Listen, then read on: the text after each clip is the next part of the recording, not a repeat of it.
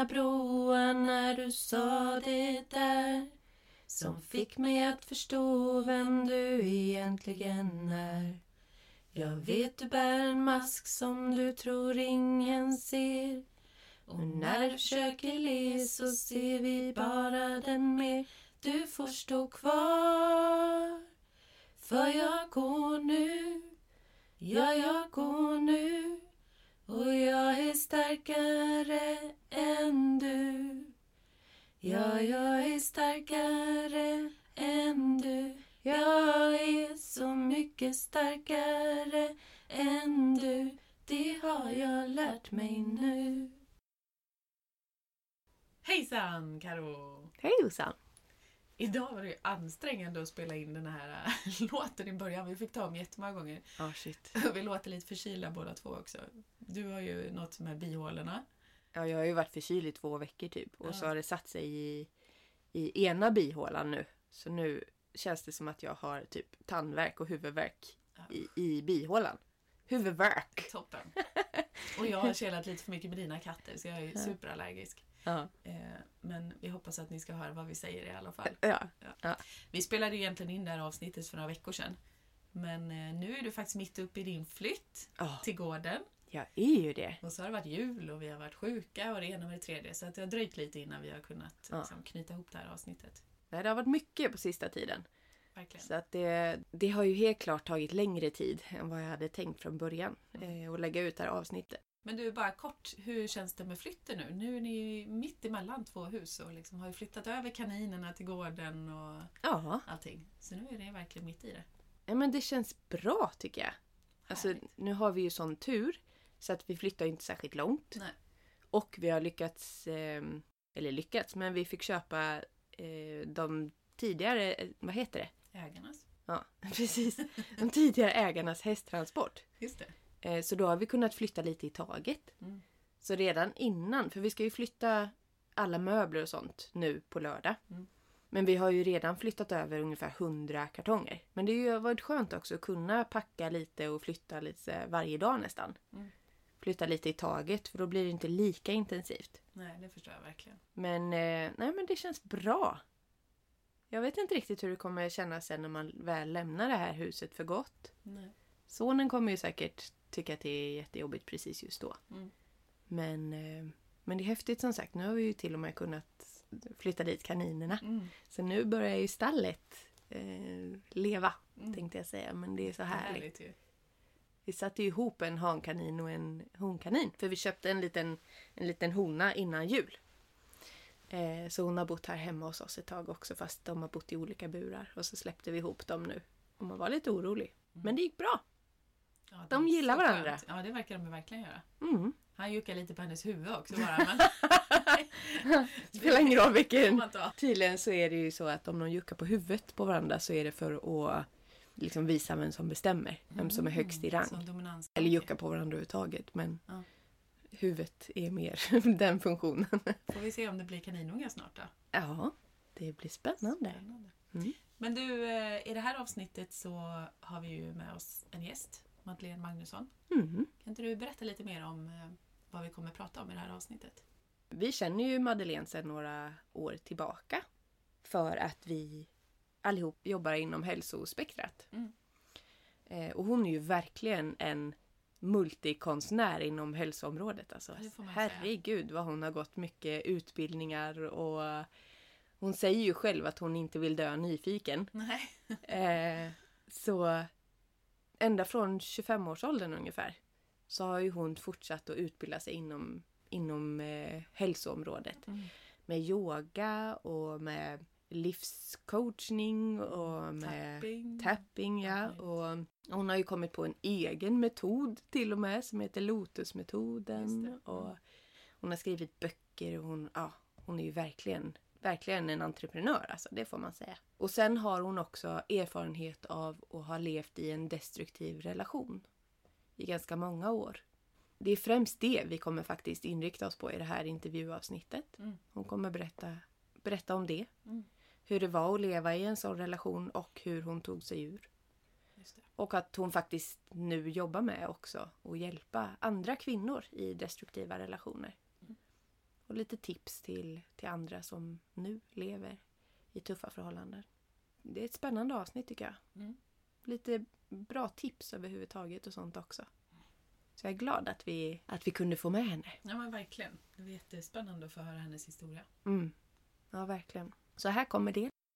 Hej Madeleine! Hej! Och välkomna till våran podd. Hej! Tack! Välkommen Måns, katten Måns. Ja. som jag har i knät här som spinner för fullt. Världens gosigaste katt. Ja. Ja, han är fin. Jag vet inte om jag kommer, kun- kommer kunna koncentrera mig på att prata här för jag blev helt kär i din katt här. Ja, det blev jag också när jag såg honom. ja. ja, du berättade att han var en hittekatt ju. Ja. Och att du tror att han är närmare 20 år nu.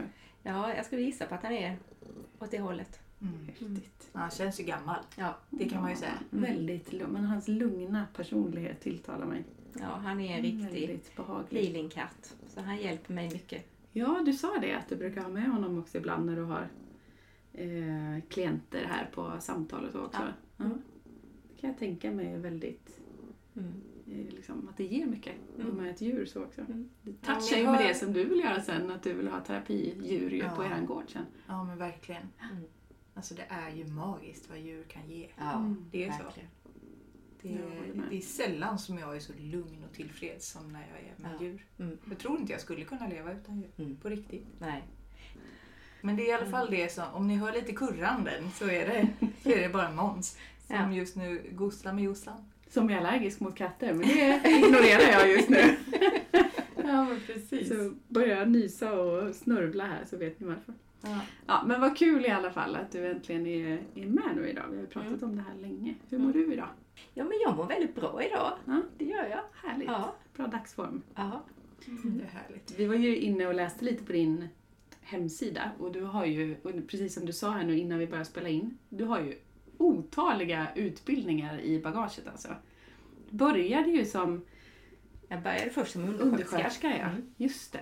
Och sen så eh, utbildade jag mig inom reiki, alla de tre stegen. Mm. Så jag är reiki-master. Healing också är det va? Ja, det är healing ja. Mm. Och sen så var det rosemetoden, ayurveda, eh, inom kost, Massör. yoga, massör, meditation. Eh, Men det som, som var lite förvånande tycker jag var att du är utbildad även inom media.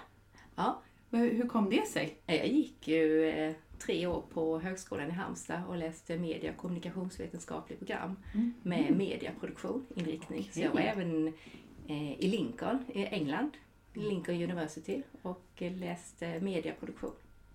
Men vad, vad tänkte du att du ville använda det till? Eller du, ville du jobba med det eller var det bara för ja, att du kände jag att det här är jobba, kul? jag ville Ja. jobba inom TV. Mm. Mm. Jag stod bakom rutan och Vad som helst. redigera. Ja. Och även inom radio. Jag höll- var väldigt aktiv inom studentradio. Så att eh, jag sände studentradio under många år också, Mm. under studenttiden. Men och vad hände sen då när du började liksom med allt det här mer? Ja, det var väl egentligen när jag var nere i, i, Lin- eller på, i Lincoln. Där jag insåg att ja, men, det strular så himla mycket. Mm. Eh, tekniken. Och jag vet inte hur många gånger jag höll på att slänga ut datorn genom fönstret för att det, det var massa, Ja. massa problem hela tiden. Och jag kände, men vill jag verkligen jobba med detta? Mm. Nej, jag vill jobba med människor. kändes tungt i dig liksom? När du... Så du hade Ja. gått den här treåriga utbildningen? Ja, jag har min C-uppsats kvar. Jag har ju läst pedagogik också på högskolan. Ja, jag såg så det. att, Just eh, det. Mm, så att jag... Eh, Hur kom det sig att du läste pedagogik också då? Det var för att mediautbildningen startade inte förrän eh, till hösten. Och jag hade läst, eftersom jag hade läst vårdlinjen så hade jag ingen behörighet till högskolan. Och då läste jag in samhällsvetenskaplig på komvux. Så jag råpluggade under två år och läste 11 ämnen per termin för Åh, att komma in på, eh, på högskolan. Mm. Och sen kände du efter du hade gått den utbildningen och alltihopa att det var inte det du ville? Nej, precis. Du ville jobba inom hälsa Ja. egentligen? Ja. Mm. Och Vad det du... Ja. Så då började jag med, eh, med healingen, med reikin då, och rosemetoden.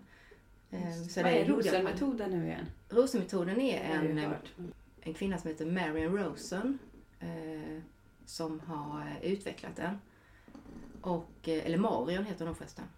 Ja. Och eh, så var det på Axelssons. Så att det är väl, jag tror jag, alltså en två, treårig utbildning. Mhm. Ehm, där man läser då helgkurser under och sen så då gör prov på det och sen så ehm, Och vad går ehm, själva metoden ut på? Är det går ut på samtal att- eller är nej, det... Nej. det är, man löser upp muskelspänningar Mm. och trauman och, eh, som är kopplat till, alltså man, man möter muskeln med samma spänning som muskeln själv har. Mm. Så att du egentligen bara håller. Mhm. Och så med hjälp av andningen så märker man att andningen börjar bli mjukare, börjar bli ja, djupare och eh, mer eh, påtaglig i kroppen. Så man liksom börjar slappna av. Och så kan man få upp massa minnen och trauman och känslomässiga processer. Och jag har fått upp väldigt mycket själv när jag har gått liksom i, Förstår det. när vi har bytt behandlingar med mina kollegor. Så är det ju också när man går sån, någon Ja. typ av sån terapeututbildning som jag gick eller Mm. mindfulnessutbildning eller nu när jag läser om självmedkänsla. Mm. Så det får ju gå via en själv först Ja, liksom. För att man ska kunna Ja. lära vidare till någon annan. Mm. Så det blir ju det blir som en egen inre personlig utveckling också med Ja, alla sådana grejer man verkligen. gör. Mm. Verkligen. Det är spännande. Ja. Vad Men- gjorde du sen då? Alltså, ehm, jag... Eh, I samma veva så åkte jag också, då träffade jag mitt ex. Mm. Och eh, han var ju då medium och åkte runt mycket på mässor. Och då följde jag med och tänkte då gör jag behandlingar under tiden då. När vi åkte runt på de här mässorna. Och så var det någon som frågade men kan inte du prata lite grann och hålla föreläsningar om det du gör? Ja, ja men det kan jag väl göra då. Eh, och så berättade jag då min erfarenhet om ros. Jag var ju inte färdig, jag hade inte fått mitt diplom än. Och då blev Axelsson lite sura för att Oj jag fick inte prata eftersom jag inte hade Nej. certifikat. Jag var inte klar. Mm. Så att, eh, och då kände jag lite grann att jag vill inte fortsätta med den utbildningen så då hittade jag på något eget. Vad härligt. Så då började jag blanda in ayurvedan och eh, reiki. Kombinerade och, olika eh, metoder. Liksom. Ja, och Mm. chakrabalansering i rosen och döpte om det till lotusmetoden. Mhm. Som jag sen jobbade med och även hade utbildningar och utbildade andra i. Så du har skapat en egen metod? Ja, hade jag ingen Coolt. aning om. Nej, det visste inte jag heller. Nej, vad lustigt. fast jag jobbar inte med den idag för jag tycker inte det är roligt längre. Jag tänkte just på det. Är du lite, det, det är ju lätt att tänka eller tro att du kanske är lite åt det sensationssökande hållet. Att du, ja men det där verkar spännande, Mm. det där verkar kul, Ja. nu vill jag testa det. Ja. Är det Jag har lite grann ett motto, jag ska inte dö nyfiken. Så jag, Mm. tycker väldigt, jag är väldigt nyfiken av mig Mm. och eh, känner ett otroligt begär att lära mig saker. Mm. Vad härligt. Ehm, och sen så när, när jag är klar med det, även om inte utbildningen är klar, men när jag känner att jag är klar, Mm. då tappar jag intresse. Eller när, det, när jag känner att det är klart, då, ja, men då är det inte kul längre. Mm. Då vill jag göra någonting Du är annat. ingen sån upploppsperson som får en extra kick när du närmar dig liksom. Nej, nej. Jag är också sensationssökande. Ja, Men du är också högkänslig, eller hur? ja det är jag. Mm. Det är. Eh, Det Då är känns vi ju- lika där. Mm. Just med... Det känns ju så när man, när man eh, eller lite den, de vibbarna jag har fått när jag träffat dig och pratat med dig och när jag vet vad du gör och har gjort och sådär. Mm. Men eh, jag misstänkte det, men jag visste ju inte riktigt. Nej. Men ja, jag förstår det. Mm. Nej men det är, jag håller med dig. Jag är också supernyfiken och vill lära mig Mm. massa nytt hela tiden och just inom det här hälsoområdet. Och det tar ju aldrig slut Nej, det heller. gör inte Det finns det. ju alltid mer att lära sig. Det är det som är så spännande. Det är Ja. verkligen som ett smörgåsbord. Ja. Mm. Känner jag Mm. i alla fall. Ja, att det bara med. är att så här, plocka. Bara, oh, det där verkar spännande och det vill jag lära mig mer om. Och, Mm. ja, nej, det är Mm. underbart tycker jag. Mm. att ha Absolut. hamnat här. Men det som du, eh, de här tre benen framförallt som ditt företag står på, det är väl mindfulness och yoga och Mm. personlig utveckling? Va? Ja, ja. Mm. Vilket utav dem är det som tar mest utrymme i, i det, Det du är gör? personliga utvecklingen Mm. och framförallt eh, fokus på att hjälpa kvinnor att förbättra, förbättra sina nära relationer. Just, Just det. det. Mm. Nu går vi tillbaka till det här som du pratade om med ditt ex. Ja. Som var medium Ja, och att du jobbade lite tillsammans med honom, eller man ska Ja. säga med din grej, men Ja. bredvid. Vad hände sen? alltså vi skapade ju företag tillsammans och då hette det To Your Soul. Mm. Ja. Eh, men det var jag som stod på det så att han var med bakom kulisserna men jag stod på alla papper och allting. Och så sagt vi åkte runt på mässor då och jag gjorde behandlingar och han eh, höll på med eller gjorde med, eh, var medial då och hade sittningar. Sen märkte jag ganska snart att eh, han var ganska manipulativ, eller väldigt manipulativ och kunde kritisera väldigt mycket av det jag gjorde på ett hemmaplan. Eh, inte direkt med koppling till mitt arbete, för där kunde han lyfta upp mig. Men hemma så var jag ju knappt vatten värd. Där han kunde kommentera, men eh, så där ska man inte rensa ogräs. Ja, Men så där gör man inte när man ska eh, eh, skala en kiwi. Eller så där lagar man inte mat. Och eh, så här ska man göra. Och eh, nej, du kan inte tapsera. Eh, massa sådana saker som sakta, sakta, mer och mer blev väldigt stort. Och en väldigt stor del i mitt liv där jag helt plötsligt tänkte att jag kan ingenting. Nej. Sakta bröt ner det Ja. liksom. Mm. Ja.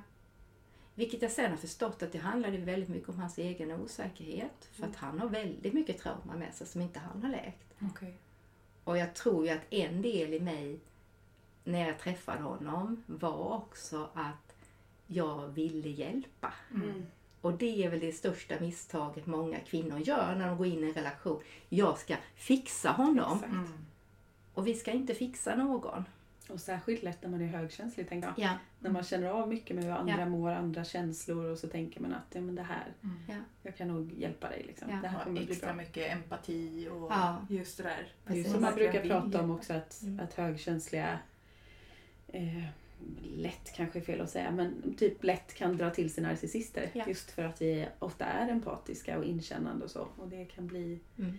Mm, det kan bli tokigt det där. ja verkligen. Men hade han narcissistiska drag också? Eller Ja, liksom, det hade han. ja, Mm. på vilka sätt det- märkte du det?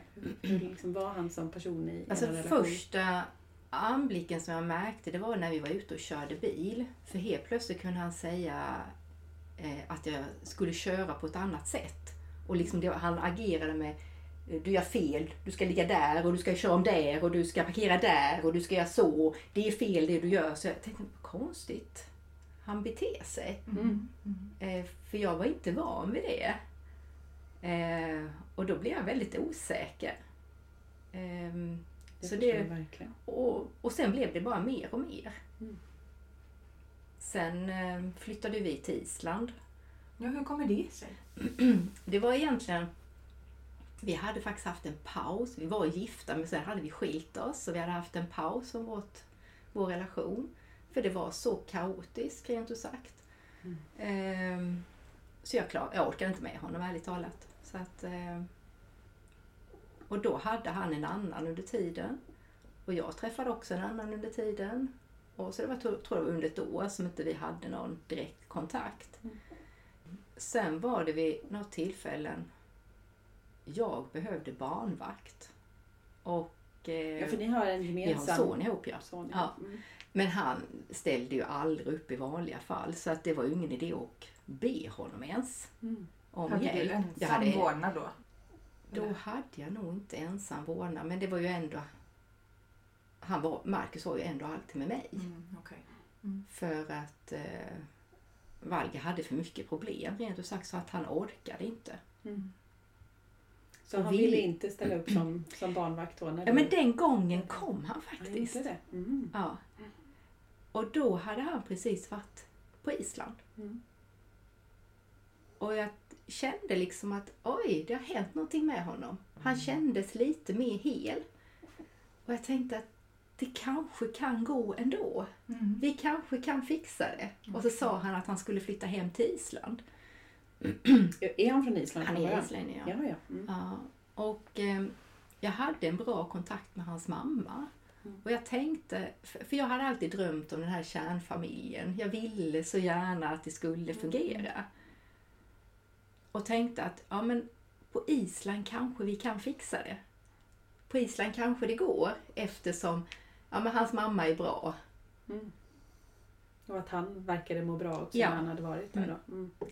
Och så när vi väl kom till Island så blev det ju ännu värre. Hur gammal var er son vid det här laget? Då var han, eh, han fyllde sex när vi åkte dit. Okej. Ja. Mm. Och vad hände? På vilket sätt blev det ännu värre? Han började med droger. Mm. Så att eh, det var väl bara någon vecka efter vi hade landat i Reykjavik och vi hyrde en lägenhet inne i, i city där så skulle han gå ut på kvällen. Jag tänkte det är väl inga problem så jag gick och la mig. Och när han kommer hem så förstår jag att han är ju påverkad av någonting och blir arg på någonting eh, som jag inte ens kommer ihåg och slänger ut mig.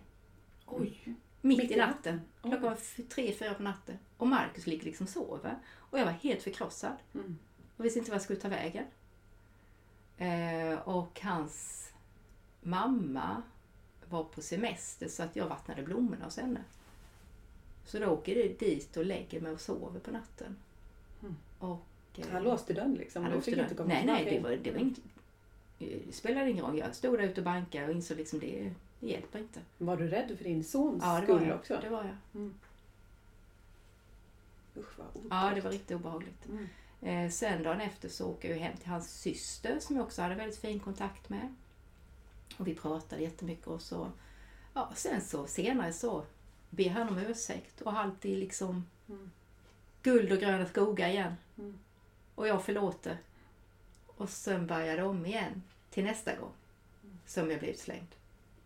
Var det alltid i samband med att han var påverkad av någonting som han vände så? Eller var det även liksom... Nej, det var i samband när jag var påverkad Mm. som det var, ehm, som det var som värst. Man blev personlighetsförändrad Ja. då nästan? Ja. Men han var fortfarande lite sådär, Han var ju narcissistisk i vanliga fall också. ja, eller jag menar det här med att trycka ner dig Ja. fortfarande. Ja, och det var han. Det var han. Och han hade sånt otroligt temperament så att han kunde ju liksom... Eh, var någon gång han fick fel på bilen. Eh, om han hade fått motorstopp. Och var helt tokig så han ringer ju till mig. Och först förstår jag inte vad han säger för han bara skriker. Men jag förstår att han behöver nog hjälp. så jag kör dit där han sen efter, det tog nästan tio minuter innan jag förstod vad han faktiskt sa. Han var så arg. Oj. Och jag åker då bort till bensinmacken och ska boxera honom. Men eftersom han är så arg så är det också svårt att förstå för jag, jag kände att jag blev ganska rädd Mm. i det. Jag har utmanat att möta människor som är så arga. Mm. Ehm, så jag förstod inte riktigt hur jag skulle göra. För jag skulle då hjälpa honom att boxera hem bilen. Men det slutade i alla fall med att han idiotförklarar mig fullständigt och skäller ut mig utav bara noter. Så jag tror jag liksom, jag kör nog bara hem. Så han får fixa det själv. Mm. Och när han kommer hem så är han så arg så han tar med sig dörren. Alltså han sliter väck dörren Herregud. och eh, river ner bokhyllan och eh, slänger ner mig på golvet. Och eh, jag springer ifrån och hämtar Markus sen och sen så åker vi iväg. Så jag, den kvällen kom jag nog inte hem för väldigt sent. För jag var livrädd. Mm, jag förstår det. För han hade ett fruktansvärt tempera- temperament när han blev riktigt, riktigt arg. Mm. Och sen kunde han liksom vända och vara snäll igen. Men man visste ju aldrig när de här... Kallduscharna kom. Ja, Mm. Nej, fy vad obehagligt. Men hur var han mot er son då? Det var väl både blandat där. Det hände något vid några tillfällen där han eh, gav sig på honom och jag, eh, för det var vid något tillfällen om man, Marcus hade kanske råkat eh, kissa jämte toa. Det är sånt som hände på Mm. alla barn. Verkligen. Och eh, vi hade en inneboende som sa till mig om det. Så jag sa, ja men det löser jag. Så. Och så eh, frågade han, ja vad var det som hände? Ja men så berättade jag, eller jag tror inte jag sa någonting men det var en inneboende som berättade vad som hade hänt. Och eh, Valger blev så arg så han liksom eh, drar in Marcus in på toa och skäller ut honom. Vad är det han håller på? Och jag går in och liksom försöker, du rör inte honom. Och då Mm. slänger han ner mig. Mm. Så att eh, ja, det var ett fruktansvärt obehagligt många gånger. Mm. Det förstår jag verkligen. Hur länge levde du i den här relationen då? En, nästan tio år, nio. Ja. Mm. Men hade du hela tiden förhoppningar om däremellan att ja, men nu, nu blir det bra, nu har han liksom... Ja, jag hade ju det bättre, förutom liksom. i, på Island. Vi bodde på Island i ett och ett halvt år. Så Mm. att mycket skedde ju liksom i Sverige. Mm. Eh, men det värsta var på Island. Mm. Ehm, jag insåg ju sen då att eh, det här, här kommer ju, han kommer aldrig bli bra. Det kommer bara bli värre och värre. Mm. Det Och sen var det också när, när vi flyttade till Island så fick inte jag ha vårdnad om, om vår son för att han hade inget jobb just då. Och då hade han hört att är man ensamstående så kan man få bostadsbidrag Mm. om man är ensamstående pappa då. Så därför fick inte jag Ha vårdnaden. ha vårdnaden. Mm. Och jag Shit. vågade inte säga ifrån. Men du gjorde inte det? Du vågade inte säga Jag det? vågade inte säga ifrån. Nej. För jag visste hur arg han blev. Ja. Vad innebar det sen då? Alltså, Det hur innebar blev det med det? Alltså det blev ju lite komplicerat. Alltså, det blev inte så bra. För att när jag väl sa att jag orkar inte mer nu, nu, nu flyttar jag hem och jag tar Marcus med mig. Och då sa han nej, det får du inte. Men stick du. Med honom tar du inte med dig för han sätter jag på fosterhem. Så att eh, jag tror inte han skulle satt honom på fosterhem. Han skulle nog lämnat det till hans mamma eller någon annan. Men, Men han, han, gjorde... kände själv att han inte han själv hade, kunde ta hand nej, om honom. liksom. han hade inte klarat av att ta hand om Nej. han klarade inte av att ta hand om sig själv så att han, hade, han är inte intresserad av att ta hand om några barn. Men han Så att tyckte det inte var- att du heller skulle få Nej, göra det, det. var mest Nej. för att han visste att jag aldrig skulle åka utom Mm. Mm. Precis. Då hade han en hållhake på dig. Så då insåg jag att jag behöver hitta en ny plan Mm. om hur jag löser det här. Och eftersom han började bråka med alla, vi hade ju, eller han hade startat ett nytt företag. ehm, för det var att han har talets gåva och ehm, han hade träffat en man i Australien som hade uppfunnit en ljuddämpare som minskar bränslet med 10-30 procent. Mhm. Och Valga hade då fått generalagenturen för hela Europa på den här produkten. Och eh, hade skaffat sponsorer på Island. Var det en före detta polis och var det en jurist och, och en annan äldre pensionär som gick in och liksom skulle Mycket support. folk som backade honom. Ja, liksom. precis. Och eh, han fick väl lite storhetsvansinne också så de beställde ljuddämpare för 4 miljoner. När de inte ens hade en marknad. Oh, shit. Oj, Så det blev ju det blev lite tokigt. det förstår jag. Ja. Så efter ett tag så började han ju bråka med de här.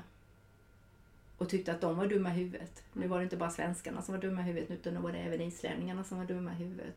Då började jag med min plan att om jag får med honom hem så har jag ju Marcus Mm. med mig. Så att... eh, Och då ville han flytta hem Till Sverige då? till Sverige. Mm, gick Hur löste han det här fyra miljoner Nej, det löste han inte. Så tanken var att eh, när han flyttade till Sverige då, att jag då skulle starta en filial och fortsätta att driva det, för han kunde inte göra det eftersom han hade betalningsanmärkningar. Mm. Och i samma veva så träffade han en ny tjej som flyttade hem till oss. Alltså det här låter helt... Men du fortfarande det där? Det här låter Oj, helt vad spännande. Hur, Ja. jaha. Men alltså man märker ju, eller det säger ju väldigt, väldigt mycket om hur, hur manipulativ han verkligen var. Ja, Alltså för det hade man ju inte gått med på nej. eh, i en Nej. vanlig situation. Men jag kan tänka att alla kan hamna där. Ja, ja, verkligen. Alltså det... Jag tror inte det spelar någon roll heller hur stark man är i sig själv. Om man går in i en sån här relation. Mm. Om man möter en person som verkligen alltså, Ja. eh, kan narcissist. manipulera. Ja. Mm. En narcissist eller psykopat eller Ja. sådär. Mm. Och att man verkligen Exakt. hamnar i klorna på dem. Ja, precis. För min plan var ju när jag väl hade flyttat hem, då skulle jag och Marcus flytta hem till mamma och pappa. Mm. För att jag skulle få stöd från dem. Men när vi väl kom hem så klarade jag inte att ta det steget. Mm. Alltså det... Och flytta ifrån honom. Nej. Mm. Det, Vad handlade det om då? Var det rädsla? Eller Det var att rädsla. Du ändå Det var rädsla. honom? Eller? Nej, jag tror inte jag älskade honom. Jag tyckte nog mest synd om honom. Mm. Ja. Men du vågade inte kapa Jag helt. inte för att på något vis så eh, vill jag ändå att Marcus skulle få växa upp med sin pappa. Mm. Alltså jag, jag kände att jag kunde inte vara så elak. Mm. För det hade han sagt också att eh, jag har rätt liksom till min son. Så den hade han matat ganska mycket. Mm. Mm. Och lagt de skuldkänslorna och Ja. skammen på dig. Att, Ja. att det skulle vara ditt fel i sådana Ja. fall om du separerar son Ja, och precis. pappa. Mm. Mm. Så det här då när en ny tjej flyttade in, Ja. var han tillsammans med henne då? Eh, ja, vi var väl tillsammans allihopa, om man säger så. Berätta mer! Intressant. ja, det är helt sjukt. Ja. Det måste ju kännas som att det var ett annat liv. Ja, ja. Alltså det är ju så långt Alltså, ifrån mig som idag, person. liksom. vad jag tror på, vad, mina värderingar. Men eh, ja, det var intressant. Men hade du liksom någon känslomässig relation till henne eller var hon bara Nej, som en, Nej, en var som inneboende hon ja. också? Ja. Alltså jag, jag tyckte väldigt mycket om henne. Hon var en fin person. Men, och sen när ni skulle gå och lägga er, gick ni och la er alla tre i en Nej, dubbelsäng då? Eller alltså, vad? nej. Eh, jag och den här kvinnan då, vi hade ett rum så vi skulle sova ihop. Jag fick inte sova med. Det var han Marcus. som bestämde det då? Ja, det var han Ja. som bestämde. Han hade ett eget rum Okej. och Marcus skulle sova i ett eget rum och när hennes son kom till oss så skulle han sova med Marcus då. Mhm. Så så skulle det vara. Så du och hon skulle sova tillsammans då? Helt sjukt. Och, alltså hur, hur funkade vardagen ihop och leva så? Tänkte du någon gång, vad sjutton är det här? Vad, Jo, det tänkte vad jag många händer? gånger. Eller var det bara Det så? tänkte jag många gånger men samtidigt så tyckte jag också det var skönt att det var någon annan som hade kommit in i bilden. Mm. Att det För kändes där tryggare var, eller? Ja, det kändes tryggare. För då var inte lika mycket fokus på mig. Mm. Och jag kunde mer liksom smita undan och göra mer mina grejer. Mer fokus på att jag började arbeta inom vården igen. Inom hemtjänsten och eh, som personlig assistent. Så jag fick liksom andrum däremellan. Mm. Och bygga upp mig själv. Jag började också jobba som massör och yoga, eller body balance-instruktör på eh, hälsoborgen i Grästorp. Vi, där bodde, vi bodde i Grästorp då. Mm. Okej. Vi hyrde en gammal gård. Mhm. Men hade du och han vid det här laget någon eh, kärleksrelation? Eller var det också som att ni bara var Ehm, liksom... aj, ibland. Ja. Men, Men- det var nog mer från hans håll. Och på hans han villkor hade- också hans, eller? Ja, precis. Mm. Och du vågade inte riktigt Jag säga nej inte, eller så? nej, precis. Mm. Men, ah, Ja. hjälp. Och vad hände sen? Hur länge bodde hon kvar? Och... Det här på- pågick ett halvår. Ja. Sen så eh, fick jag nog rent ut sagt, eller jag hade tagit kontakt med en, en coach. Det gjorde jag egentligen redan på Island med Bob Proctor som är en av med eh, ska, eller, eh, som är med i den här The Secret. Jaha, ja. Mm. Ja, Just det, det känner jag Eh, igen också. mm. ja, så köpte jag ett av hans, hans coaching-kit som heter The Success-serie. Mm. Som handlar om 12 olika delar. Och en av de här handlar om ansvar. Och det var framförallt den som var väldigt, som, som verkligen gjorde en skillnad. För jag såg mig som ett enda stort offer. Mm. Att allt som hände i mitt liv var mitt ex fel. Just det, du såg inte att du, att du själv faktiskt hade ansvar för att se till att du kunde må bättre. Liksom. Nej, Ta dig ur det. Ja, Mm. så varje dag under fyra månader lyssnar jag på den här ljudfilen att jag är ansvarig för mitt liv, mina känslor och för varje resultat jag får. Alltså det var ju fruktansvärt tufft att se. Mm. Och, men att jag kunde faktiskt rymma ifrån mitt mentala fängelse som jag hade satt upp, där jag inte trodde att jag var värd mer. Mm. För, för, för mig handlade det om att inte, jag trodde att jag inte var värd någonting bättre. Hade du haft några tidigare relationer innan den här relationen? Ja, det hade jag. hur Eh, hade de varit? Liksom? Alltså min första relation eh, var en väldigt lång relation på tio år som var väldigt kärleksfull och fin. Men till slut blev det som att leva med brorsan så att Mm. jag kände att nej, jag vill ha passion. Mm. Och sen hade jag en hel del relationer innan jag träffade honom. och hur var det i början när ni träffades? Var, Det var, var, du väldigt liksom nyförälskad? Och, Ja, och han var väldigt annorlunda, eh, väldigt gränslös. Mm. Eh, sa också att allting är möjligt. Allting, alla våra mål kan vi uppnå. Mm. Alltså han hade den här visionen Mm. som var väldigt fascinerande som gjorde att jag också drogs till honom. Mm. För att jag var vanlig att ganska fyrkantigt, ja man ska tycka och tänka i den här boxen. Mm. Så han blev spännande. Det här blir och jättespännande. Någon att, att liksom se upp till Ja. nästan. Och så Ja, också. Ja, Precis. okej. Jag tror jag satte honom lite grann på pedestal till en början. Mm. Så efter det här halvåret då som ni hade bott ihop, när du fick nog, Mm. Tog du bara Markus med dig och flyttade därifrån Ehm. eller vad, vad hände då?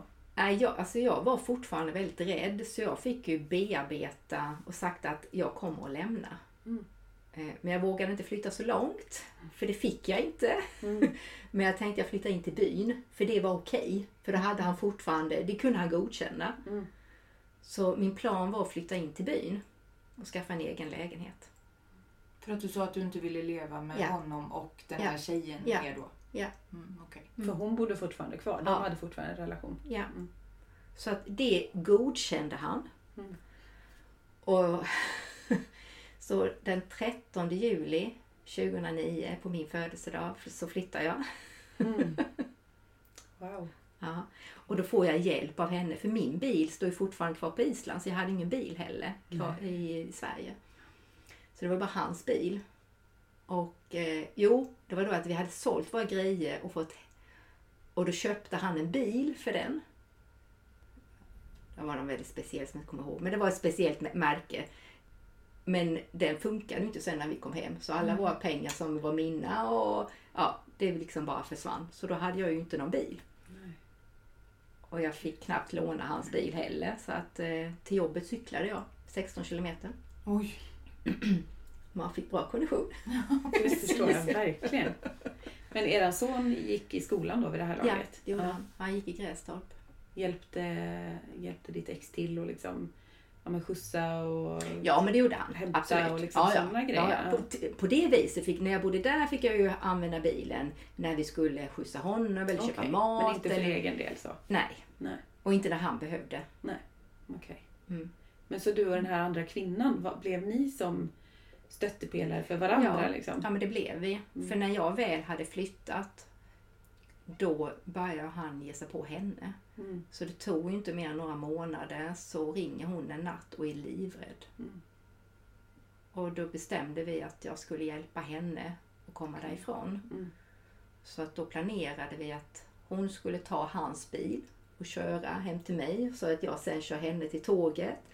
Och sen har jag lagt in min cykel i bilen och kör, för han har en ganska stor bil, vanaktig. Och sen kör jag bilen hem till honom och cyklar därifrån. Mm. Jaha, så han inte skulle märka? Han inte skulle märka, för vi behövde få hem hans bil Mm. också. För om den stod hemma hos mig så skulle ju jag få massa skit. Mm. just det, okej. Men hade han behandlat henne bra? Eller liksom, hade han varit uppvaktat henne mer då under den tiden som ni bodde tillsammans? Eller? Det var båda delar. Ja, okej. Men han hade inte varit så aggressiv, eller man ska säga, tidigare så att hon hade blivit Nej. rädd? Nej, det hade hon inte. Nej. Nej. Hade han varit det mot dig när hon såg det? Ja, det hade han. Mm. Så hon visste ju ändå hur han var. Men hon kom också från ett väldigt trasig relation innan dess. Mm. okej. Så det var ju liksom typ ur as- askan och in i elden i Mm. nästa. Mm. Mm. Men lyckades hon fly därifrån då? Eller Ja. hur gick det med Ja, det? och sen så när hon väl hade kommit därifrån så eh, han hade ju börjat odla cannabis i trädgården. Mhm. Så att eh, hon ringde polisen och satte dit honom för det. Okej, hon var så pass Ja. modig och gjorde Ja. det liksom. Mm. Så han fick två års fängelse. Mhm. Men hon klarade inte av att eh, säga nej till honom ändå så hon eh, eh, hon var ju redan gravid då så hon fick ju Åh nej. hon fick barn med honom. Mm. Och sen när han sen blev han överflyttad till Island för han trodde att det var mindre straff på Island. Och då flyttade hon med honom. Så Okej. att eh, hon var fast i tio år. Hon kontaktade mig nu i somras. Oj. Vi gick igenom en healingprocess och eh, Wow, ja, det var jättefint att möta vilken henne. grej. Ja. Mm. Hade hon flytt då? Tack och lov, för han bor i Norge, tack och lov coronan Ja. så kunde inte hon åka till honom Okej. eftersom det var så stängt i gränsen. Och det gjorde att hon började få liksom andhämtning. Mm. Där ser man. Ja. Annars tänker man ju med många, många relationer där det redan liksom har varit tufft att det kunde bli ännu tuffare under Mm. corona och Mm. liksom, ja, men kanske hustrumisshandel Ja. och liksom sånt i hemmen. Men Men, det- i det här fallet ledde det ju faktiskt till någonting positivt precis. för dem då. Mm. Ja. Så hon har lyckats ta sig ur nu då, den relationen. Mm. Mm. Jag håller tummarna för att hon fortsätter Ja men det, att det hålla känns, sig det ifrån kommer honom hon bara. göra. Det, Mm. det känns så. Ja. Hon har gjort eh, sin resa. Men så allt det här kan jag ju liksom föreställa mig också gör att du brinner lite extra för det här med att hjälpa andra kvinnor då. Ja, det gör jag. Kanske som framförallt är i destruktiva relationer Mm. eller som ja, inte har den här självtilliten och inte, inte riktigt tror på sig själva. Ja, precis. På vilket sätt hjälper du dem? Ehm, Jag jobbar mycket med att rensa i trauman. För att det här baseras ju på trauman. Mm. Att vi inte tror att vi är värda mer. Mm. Ehm, Och det kan vara trauman både från detta liv och tidigare liv. Ehm, Och jag har grottat ner mig rätt mycket i mina egna och liksom rensat väldigt mycket vad jag själv har gått igenom. Saker och ting som jag inte ens var medveten om. Jag tänker Eh, mig. Mm. Men då är det både genom samtal och olika behandlingar som du hjälper mm. de Jag kvinnorna använder ju då? mycket EFT, alltså tapping, Mm. där man stimulerar olika punkter som en psykologisk akupunktur. Mm. Eh, sen har jag en annan teknik som heter Expand som Eva-Karin Wallin har utvecklat. Eh, som jag har gått och är certifierad expandlärare nu. Där jag kan gå in och rensa blockeringar. Så vi kan ta reda på, finns de i detta liv? Var de när du var tre eller fyra? Eller vad, vad, vad hände det? Eller är det tidigare liv? Var kommer det ifrån? Är det generationsbenäget? Kommer det Just från din mamma eller pappas sida? Mm. Och så går man in och rensar de situationerna. Men det är bara genom samtal då?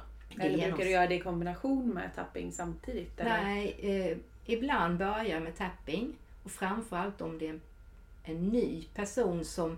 För att expand kan vara svårt att förklara. Mm. Och det kan kännas ganska flummigt för det är bara energi jag jobbar med. Mm. Och då kan det vara lättare att förklara expa- eller EFT eller tapping. Mm. För det finns väldigt mycket studier eh, på det. Eh, Lite mer handfast Lite liksom. mer Så här handfast, gör du på Ja, kroppen. Mm. ja. Så att jag brukar oftast börja där och sen känner jag liksom när personen har förtroende för mig, ah, då lägger jag in den andra Mm. växeln. När de är redo för Ja. det liksom. Ja. Mm. Det låter ju superspännande tycker jag. Mm. Alltså rensa som sagt trauman, sånt som man inte ens är medveten om. Nej, precis. Tänk vad mycket alla, alltså gemene man, går runt och bär på. Ja, Eh, som man liksom rent kognitivt eller så inte kommer ihåg nu. Men Mm. som kroppen kanske kommer ihåg. ja, absolut. Mm. Det är därför oftast vi Jag kanske går omkring med spända muskler eller Mm. ont lite här och där eller infektioner för att det kommer någonstans ifrån. Mm. Visst är det så. Mm. Jag börjar bli mer och mer nyfiken på det här med trauman Mm. faktiskt. Mm. Eh, och kunna hjälpa människor med trauman också. Ja. Mm. Så att, eh, ja. Det är mycket möjligt att jag kommer följa lite i dina fotspår sen med det. Mm. Du får gå i hennes Lotus-utbildning och bara hålla den igen.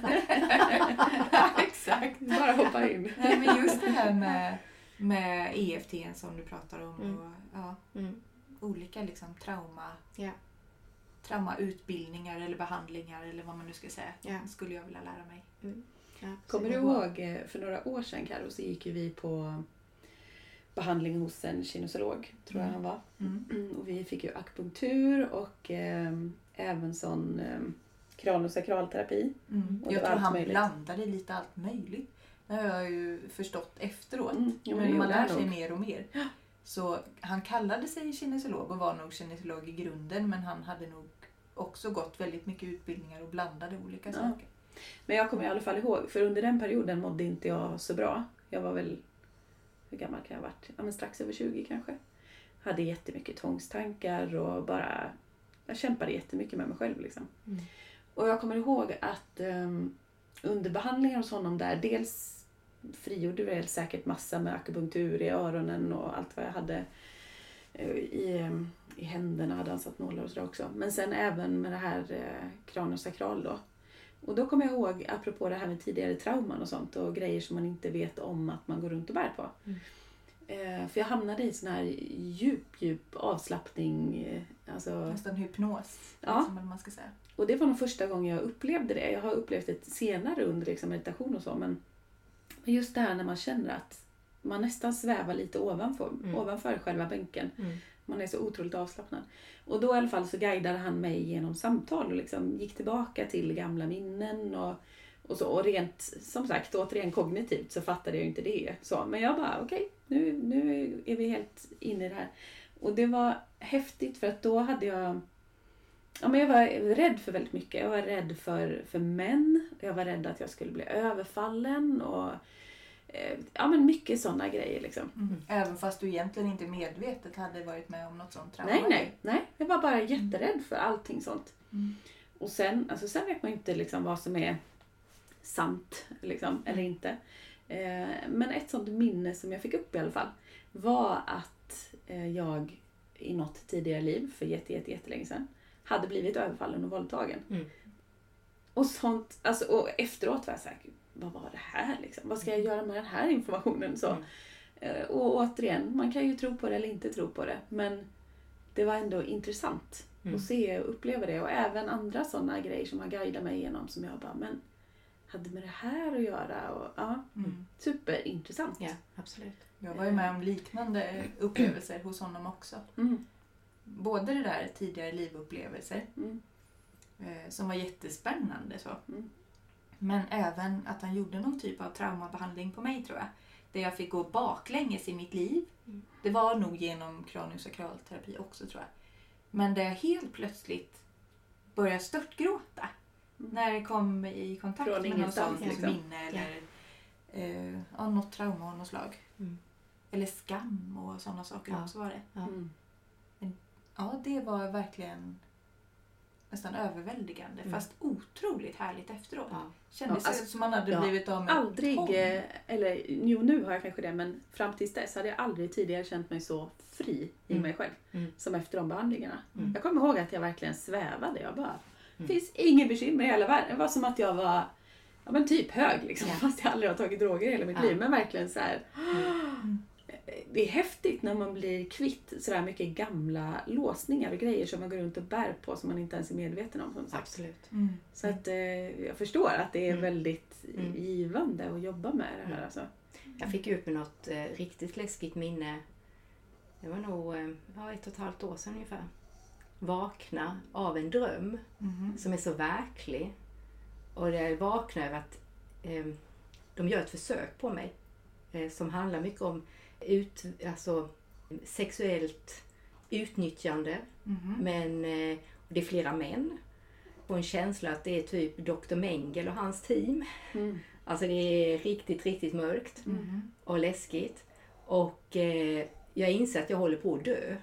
Så att jag vaknar precis i ögonblicket när jag dör på grund av det de gör. Men fy. Vaknar världens panik, tänker liksom vad är det här? För det var så verkligt. Mm. Och insåg att jag måste gå djupare i det här. För Mm. det här är något minne jag har med mig. Mm. Och tog kontakt med en, tra- en traumaterapeut i USA, Sandra Rollers i Sedona. Och tog sessioner med henne för liksom att jobba igenom det här. Och det var ett tidigare liv. Det var så ja. Ja. Som du hade blivit utsatt för det. Ja. Liksom. Och dött Ja. under det då. Ja. Kan sånt komma upp då? Alltså under Absolut. drömmar och Ja, sånt? det kan alltså det när det är just det där omedvetna. Det det. Undermedvetna där, ja precis. Vad sa jag? Omedvetna? Ja, undermedvetna menar jag. Mm. Mm. Ja, men det kan det göra. Absolut. För det är väl svårt, tänker jag, även om man är utbildad i det här själv, men att göra en sån typ av traumabehandling på sig själv. Ja, det är väl det. Man oftast behöver hjälp få då. Mm. spegling eller Ja. hjälp utifrån. För det kände jag, det här fixar jag inte själv. Det här behöver jag hjälp med. Mm. Men eh, jag tänker bara till, tillbaka till allt det här med ditt ex och, och allt det. Har du helt liksom, egen vårdnad om din son? Eller fick du det liksom, sen och han blev helt ute ur era, era liv? Eller vad hände Ehm, ja, jag har egen vårdnad. Och vi hade ju till och med skyddad eh, adressuppgift. Eller ja, skydd, inte skyddad identitet men skyddad adress i alla Mm. fall. I den vevan. Så att, eh, För att du var rädd helt enkelt ja, att han för att jag skulle. Mm. liksom, hitta er och Ja. handgripligen Ja. göra något. Mm. Mm. Hur, känner, hur känner era son, eller din son? Alltså han har ju varit nyfiken och söka upp honom och jag har ju alltid supportat det. Han hade det väldigt jobbigt i skolan så att vi hade hjälp med eh, jag tog hjälp av min coach för att hjälpa honom men jag tog också hjälp av eh, familjebehandling på SOS Mm. som var jättebra. Och då hade vi ett samtal, hur gör vi ifall han då vill träffa honom? Mm. För jag vill inte träffa honom då. Mm. Eh, och då började vi planera med att ja, men de kunde hjälpa till med det. Och då började de prata med honom om det och frågade mer. Men då blev det att nej, men han ville inte längre då. Okej. Ja, Men det var ändå hans val. Liksom. ja precis. Men var inte du rädd på något sätt att han skulle komma tillbaka in i ert liv eller att han skulle... Ja, den sätt. fanns ju där fortfarande men samtidigt så kände jag liksom att om nu Marcus vill det så kan jag ju inte hindra honom. Nej, jag förstår det. Men det var... Eh, samtidigt hade jag bearbetat väldigt mycket av mina egna trauma. Så att jag var inte rädd på det viset. Jag var inte så intresserad av att ha honom inne i mitt liv. Det var jag inte, för jag vet inte vad han kan ställa till med. Mm. Men jag är inte rädd för honom och jag är inte rädd för honom alls idag. Och jag kan liksom känna en tacksamhet till den resa jag gick igenom också. Mm. Jag skulle inte vilja vara utan den. Men jag vill inte ha honom i mitt liv. Nej. Jag du är inte, rädd på något Nej. sätt att han ska, att han ska påverka Markus liv på Ehm, något dåligt sätt? Om de Det skulle kan- få kontakt liksom igen. ehm, ja, det kan finnas en risk. Mm. Nu är ju Markus vuxen. Men Han är ju vuxen, ja. Liksom, Ja. ja. Det är Så klart att, eh, och ju- man kan bli påverkad. Sen är ju han är väldigt stabil idag. Och han har en väldigt andlig kraft själv också. Han har mycket kontakt med sina, Mm. sina guider och eh, sin vägledning. Mm. Så att jag, jag litar ändå på att han, han fixar det. Mm. Men har du alltid varit liksom, nyfiken på och öppen för andlighet och spiritualitet? Eller har det kommit under liksom, det har väl senare år? Ehm, eller? framförallt från 25-årsåldern. Då Mm. började mitt intresse för meditation och andlighet. Mm. Och sen accelererade väldigt mycket med då Valga. Mm. För att han var väldigt öppen för det andliga, Mm. det spirituella. Sen var det en väldigt tuff väg att gå med honom. Mm. Det var stora järnsläggan. Mm. Verkligen. Ja. Mm. Hur var dina föräldrar eller din familj? Var de spirituellt intresserade? Alltså mamma var väldigt kristen. Så att eh, hon har en, en kristen tro, tro på Gud. Och eh, eh, vi gick i kyrkan varje söndag så att jag är uppväxt med det. Just Men eh, eh, själv ser jag inte mig som kristen. Jag gick ur Svenska kyrkan. Jag eh, var ateist ett tag. Mm. Och sen började jag mer intressera mig för buddhismen. Tyckte den var spännande. Och sen kan jag känna liksom att nej men alltså alla religioner har någonting bra. Plocka lite Mm. godbitar. Ja, alla religioner har någonting bra. Men alla religioner har också någonting som är väldigt mörkt. Mm. Mm. Och det har jag tittat på och jag har jobbat med de bitarna så att de är jag inte så intresserad av längre. Men ändå. Så tar man fram alla religioner så tar man väck taket och kanske vi kommer lite närmare sanningen. Mm. Men att eh, religion har också använts för att manipulera. Mm. För att trycka ner folk. Verkligen. Ja. Mm. Det är ett sätt Det att är det som är förslava lite oss. läskigt. Ja. Mm. Absolut. Och nu har vi ju istället... Eh, I Sverige har vi ju inte någon tro på Gud idag. Utan vi har ju en övertro till vetenskap istället. Mm. Så att vetenskapen är ju vår nya Gud. Eller i vilket fall som helst. För jag, jag tycker fortfarande man träffar ganska många människor som har en kristen tro. Mm. Faktiskt. Mm. Men det känns ju inte som att det är... Det känns ju mer som att man kanske gör det lite på sin egen kammare. Ja. Eller har den, Ja. eh, den tron lite sådär utövar som sagt själv hemma på något sätt istället för det här kollektiva. Ja. Så det jag håller med dig, det kollektiva religionen är ju det här med vetenskap Mm. känns det som i Mm. Sverige idag. Mm. Och ja, jag tror att det är lite därför som så många mår dåligt idag också. För att vi har tappat det här titta inåt, Ja.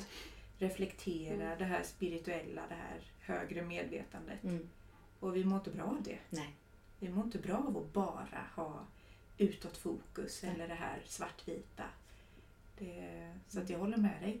Och jag tror också att det är, för man ser ju det ganska tydligt att människor som till exempel har varit utmattade eller gått igenom kriser eller trauman kommer ju oftast ut på andra sidan både starkare men också just det här mer sökande efter, efter det mer spirituella, efter det mer meningsfulla, kollektiva, Mm. starka, ljusa på något sätt, känns det som. Absolut. Och det är kanske därför det är så många, det är kanske meningen att många ska må dåligt Mm. för att vi ändå ska komma till det där Ja. ljusare. Absolut. För mig känns det så i alla fall. Jag håller med dig. Att vi sakta men säkert tar oss dit genom att så många mår dåligt Mm. just nu. Mm. För att man ska komma ut på andra sidan. Ja. För att det ofta krävs ganska mycket för att man faktiskt kanske ska ta det steget. Ja. Och gå ut, auto, eller gå ifrån autopiloten. Mm. Absolut. Men nu, idag lever ju du i en, i en relation som är sund. Ja. Alltså en bra relation, eller hur? Ja. Mm. Det är men vad skulle du säga, jag tänker här lite avrundande, vad skulle du ge för råd till någon som lever i en destruktiv relation Mm. där man verkligen inte eh, liksom, egentligen mår bra men man kanske inte alltid ser det där och då heller tänker jag i, liksom, mm. i första hand. Men vad har du för råd att ge till någon som är Alltså mitt för det i det där? första, sitt inte med dig själv. Mm. Be om hjälp. Ta hjälp.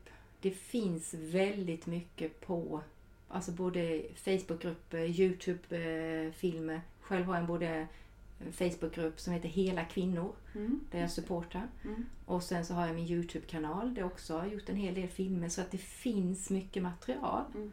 Sen finns det också kvinnojouren online Mm.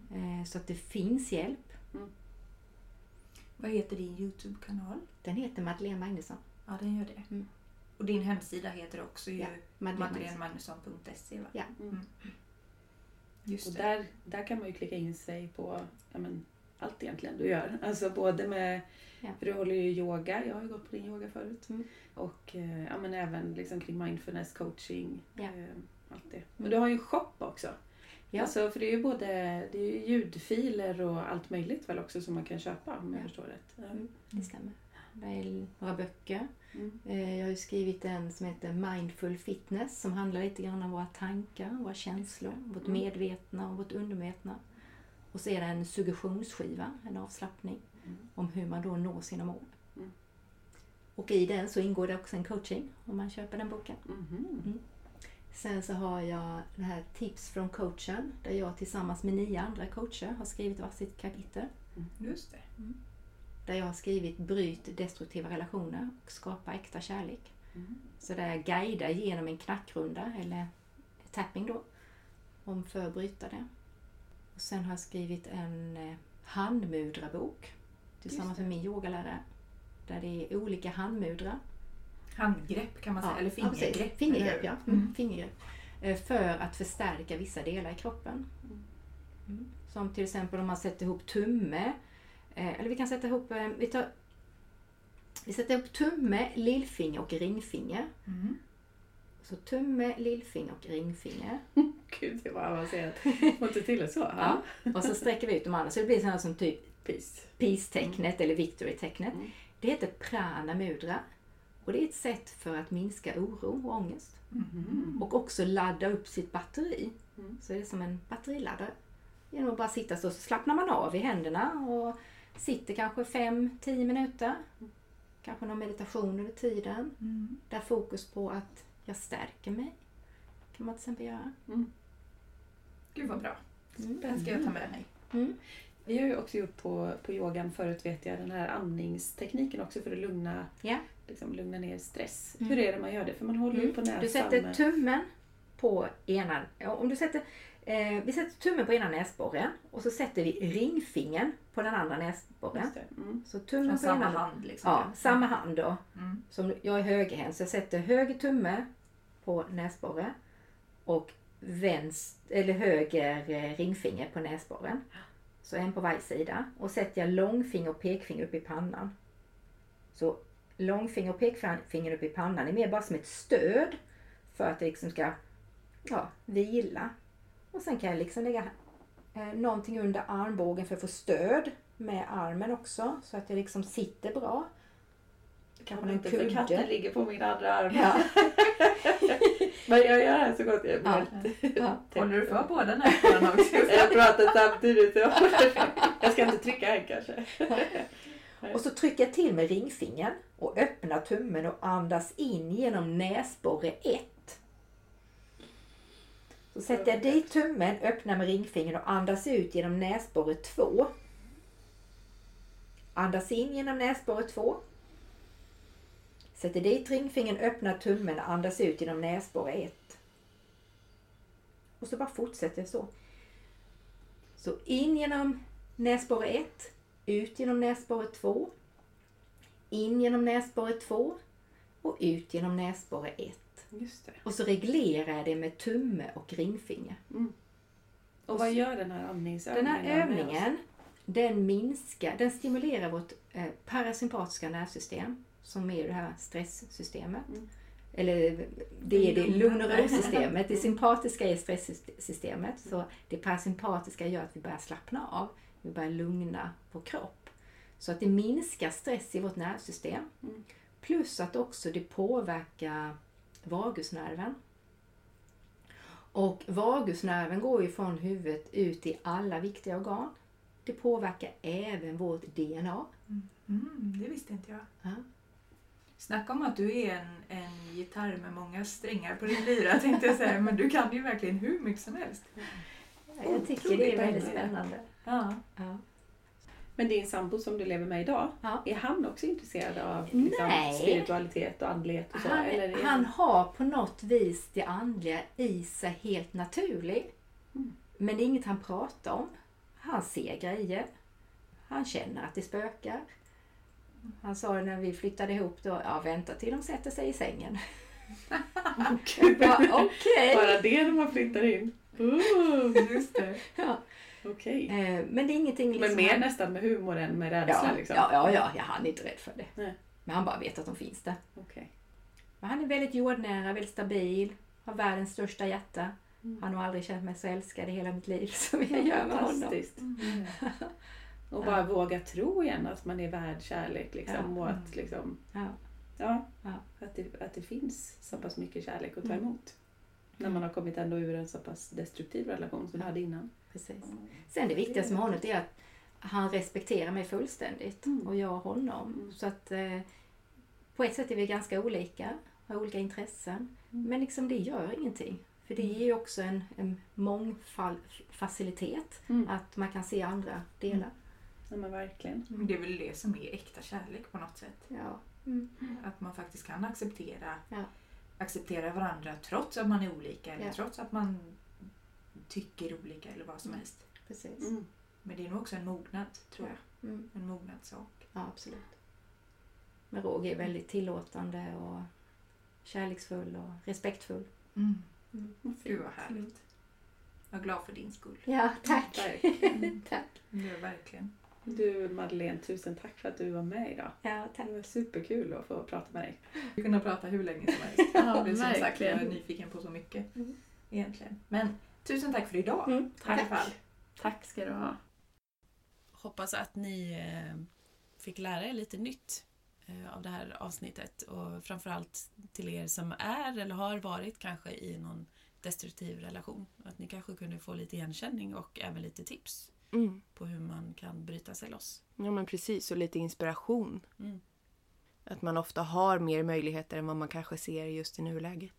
Och det tycker jag också är inspirerande att Madeleine faktiskt nu lever i en, en hälsosam och sund relation där hon verkligen trivs och mår bra. Mm. Så det går ju verkligen att ta sig vidare. Mm. Ja, det gör det. Jag tänkte att vi kanske bara skulle nämna lite nu om våra retreat som vi har här under våren. Först så har jag ju ett retreat med Martina Hårdstål som jag har podden om högkänsliga barn med. Mm. Och det handlar om högkänsliga barn, retreatet. Och det är den 11 till 13 februari. Sen har ju du och jag ett retreat den 11 till 14 mars om högkänslighet, känslohantering och mindfulness. Yes. Och den 8 till 10 april har Martina och jag ett retreat om, med, beroende på vilka det är som kommer. Men både för vuxna och tonåringar då. Och det handlar om högkänsliga tonåringar.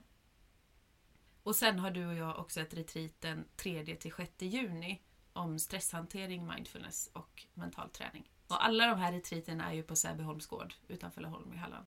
Du har ju precis haft lite så här fråge, frågestund tänkte jag säga, men Ja, på men din precis. Instagram. Mm. Där eh, man har fått skriva in frågor Ja. angående retriten.